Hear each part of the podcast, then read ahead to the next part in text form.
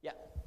Jadi kalau kalau gini, Anda kalau bekerja, saya, Anda, kita bekerja, kan dapat gaji ya? Gaji. Ya, nah, itu bahasa Arabnya gaji. Sekarang ada yang menyebut ratib. Ratib. Pokoknya disebut ujrah. Pokoknya yang harus dibayar. Makanya kalau Anda ke Timur Tengah itu naik taksi, ada tulisan atasnya taksi ujrah. Ya, bukan punya si ujrah. Nanti kalau ke Mekah naik taksi ya punya si ujrah, uh si ujrah punya banyak taksi. Ya, bukan. Itu taksi bayar. Bukan gratis, bukan free. Jadi begitu Anda keluar menggunakan jasanya, bayar, berikan pokok dari jasa yang telah dia kerjakan. Perhatikan baik-baik. Teman-teman sekalian, ketika Anda bekerja dalam urusan dunia, Anda mendapatkan ujrah. Nih bayar. 10 dinar, 10 ribu rupiah, sekian, sekian, sekian. Ketika Anda kerjakan untuk misi akhirat supaya bekal untuk pulang, bukankah 10 juta ditabung, tabung, tabung, tabung, bikin rumah kan? Beli pakaian yang elok, beli kendaraan, sama persis Anda sholat itu diberikan juga bayarannya. Diberikan juga pokok pemberiannya. Anda puasa diberikan pokoknya. Baca Al-Quran dikasih bayarannya. Namanya pahala. Dalam bahasa Al-Quran disebut ajrun namanya. Dunia ujrah, akhirat ajrun. Lahum ajrun ghairu mamnun. Ajrun.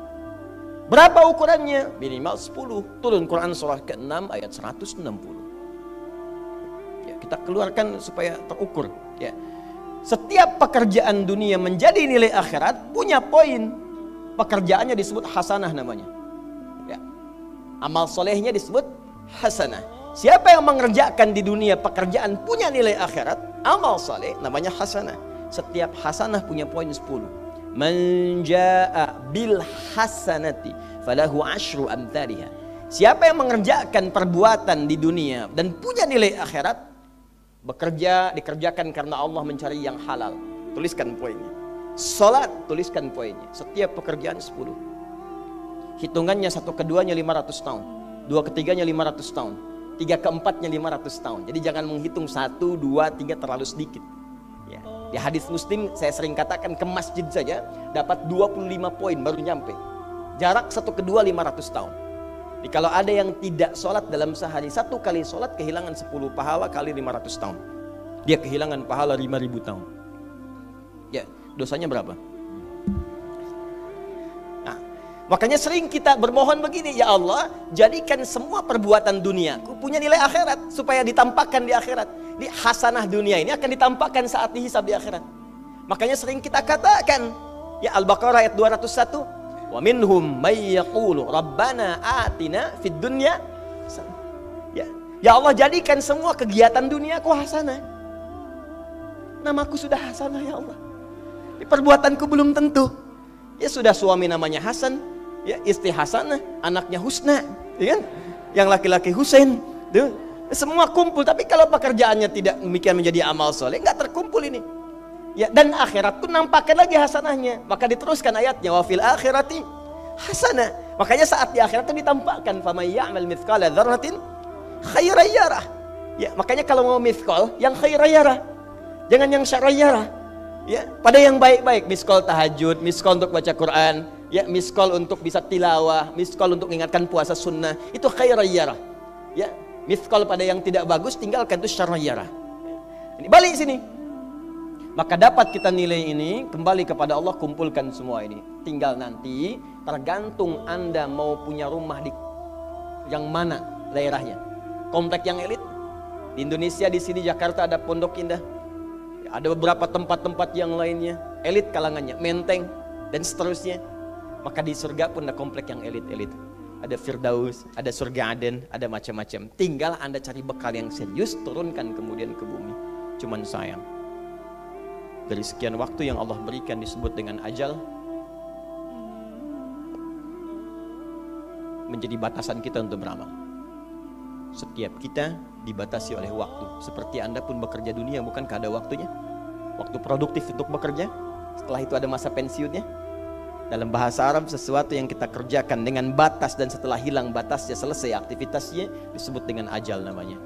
Maka Allah membuat ketentuan kita pun tidak abadi di bumi. Setiap kita punya batas waktu, kalau selesai selesai dinas kita dan pulang kita untuk mempertanggungjawabkan semua yang kita kerjakan di sini. Maka turun Quran surah ke-7 ayat 30 berapa? 4 untuk menggambarkan ini.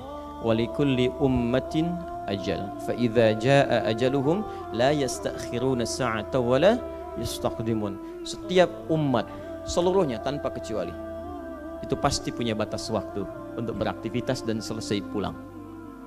Aktivitas kita ketika bergerak mencari kehidupan ma'isyah pekerjaannya disebut dengan asya diingatkan kalau harakat fathah turun ke bawah kasrah artinya selesai harakatnya hilang pekerjaannya dari asya menjadi aisyah setiap hari diingatkan kita dengan sholat isya. Hei, seaktif-aktifnya Anda, sesibuk-sibuknya akan selesai semua itu. Dan semua kita akan pulang. Bukankah setelah isya kita terpejam? Itu kan latihan. Makanya dalam doa saat akan tidur jadi sebutkan bisikallahumma amutu wa ahya. Ada riwayat lain ahya wa amut. Riwayat populernya amutu wa ahya. Mungkin malam ini saya pulang. Saya meninggal. Makanya saat kita bangun dari tidur kita ucapkan alhamdulillahilladzi ahyana ba'dama ada maknya sementara aja. Satu saat mungkin pulang, kita nggak tahu di bagian mana yang tidur itu mengakhiri kehidupan kita saat kita pulang. Karena itu serius. Ada saatnya kita pulang. Nah, teman-teman, ternyata sudah tahu akan pulang pun masih nggak ada, masih ada yang tidak memanfaatkan waktu dengan baik. Tanyakan pada setiap manusia ya, dari detik ini, Dimulai dengan diri kita. Kita manusia kan? Tanyakan pada diri kita. Anda wafat tidak? Anda pulang tidak? Anda meninggal tidak? Kalau sadar pulang, maka cari bekal yang baik. Berarti Allah benar kan? Kata Allah setiap kita akan wafat. Kullu nafsin dha'iqatul maut. Setiap yang punya jiwa meninggal. Bahkan dikasih informasi jelas kok. Ya, yang bawa maut disebutkan namanya malakul maut. Quran surah 30 1 ayat 32 ayat ke-11 qul yatawaffakum malakul mautil ladzi wukila bikum disebutkan Bayangkan ya, kurang jelas apa lagi? Disebutkan punya waktu namanya ajal, akan wafat disebutkan. Yang bawa wafat kematiannya disebutkan malaikatnya. Cara wafatnya disebutkan. Quran surah 89 ayat 27 sampai 30. Ya ayat Tuhan nafsul mutmainnah itu yang tenang, yang dahsyat dipukulin malaikat juga ada. Ya, Quran surah 8 ayat 50 itu ada sambil dipukulin malaikat. Ya, Maaf teman-teman sekalian, ini sudah jelas semuanya. Jadi aneh manusia itu. Sudah tahu akan meninggal, tahu ada kenikmatan, ada siksaan, tahu ada surga, ada neraka, tahu ada kenikmatan kubur, ada siksa kubur. Kenapa masih main-main juga? Kenapa nggak dimanfaatkan? Dan dia tahu ada yang menyolatkan, ada yang disolatkan. Apa nggak sempat terfikir ketika anda wafat siapa yang menyolatkan? Bukankah yang paling indah yang menyolatkan orang yang selama ini kita rawat? anak yang pernah dikandung diberikan asi dirawat-rawat. Anda menyiapkan apa gitu? Kita menyiapkan apa? Sayang-sayang investasi keluar banyak ketika wafat gak bisa berlaku apa pun. Bahkan ada yang sebelum wafat pun sudah dibuang dari keluarganya.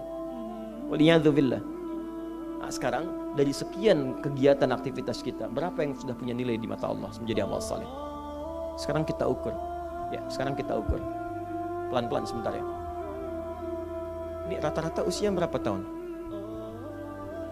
Oh baik, 40 tahun ke atas ya. ya. Walaupun atasnya mungkin agak banyak, atas gitu ya, bagian. Nggak apa-apa. Fokus sini ya, edisi kali ini fokus saja. Biarkan saya yang datang, terangkan, tulis, hapus. Ya. Antum simak aja lah, simak, tulis dengan baik, mau ketawa-ketawa, sudah masuk surga, Alhamdulillah. Sudah cukup dengan amin, lihat dulu. Ini saya sering sampaikan. Ini kita kasih batas standar di Al-Quran aja lah. 40 tahun misalnya. Ya, standar keseriusan beraktivitas. Ya, lihat sini. Konon dalam sebuah penelitian sederhana, manusia itu kalau dihitung-hitung aktivitasnya setengah dari usianya, itu umumnya walau tidak semuanya teralokasikan untuk tidur. Beristirahat, tidur. Dari mulai lahir, bayi kecil, tidur, tidur, tidur, tidur, dewasa beraktivitas, tidur siang, tidur malam, tidur macam-macam, tidur kecapean, tidur ngantuk, tidur lelah, tidur segala rupa, tidur. Setengah dari usia. Jadi kalau 40 tahun, tidurnya berapa tahun? 20 tahun. Baik. Sisanya beraktivitas ya. Nah, itu berapa tahun? 20 tahun. Jadi di sini kalau kita hitung, ya kalau beriman, alhamdulillah kita sholatnya, puasanya, baca Qurannya, tapi juga kerjanya, tertawanya, candanya, macam-macamnya 20 tahun. Dari 20 tahun ini, berapa yang jadi aktivitas ibadah? Yang jadi ibadah berapa? Jangan terlalu pesimis ya, ambil 10 tahun misalnya. 10 tahun ibadah. Jadi di sini adalah sholatnya, baca Qurannya, puasanya dan sebagainya, sedekahnya, infaknya. Apakah semua ibadah itu langsung diterima? Belum tentu. Syaratnya ikhlas. Wa ma umiru illa liya'budullaha mukhlishina lahuddin. Quran surah 98 ayat 5. Pertanyaannya, dari ibadah yang kurang lebih 10 tahun ini, berapa tahun yang ikhlas? Ya, ambillah tengah-tengahnya 5 misalnya kan? 5 tahun. Ini yang ikhlas, insya Allah. Yang ikhlas kurang lebih 5 tahun. Jadi usia 40 tahun ini yang produktif amalan yang kurang lebih harapan kita diterima oleh Allah insya Allah lima tahun. Dosanya berapa tahun?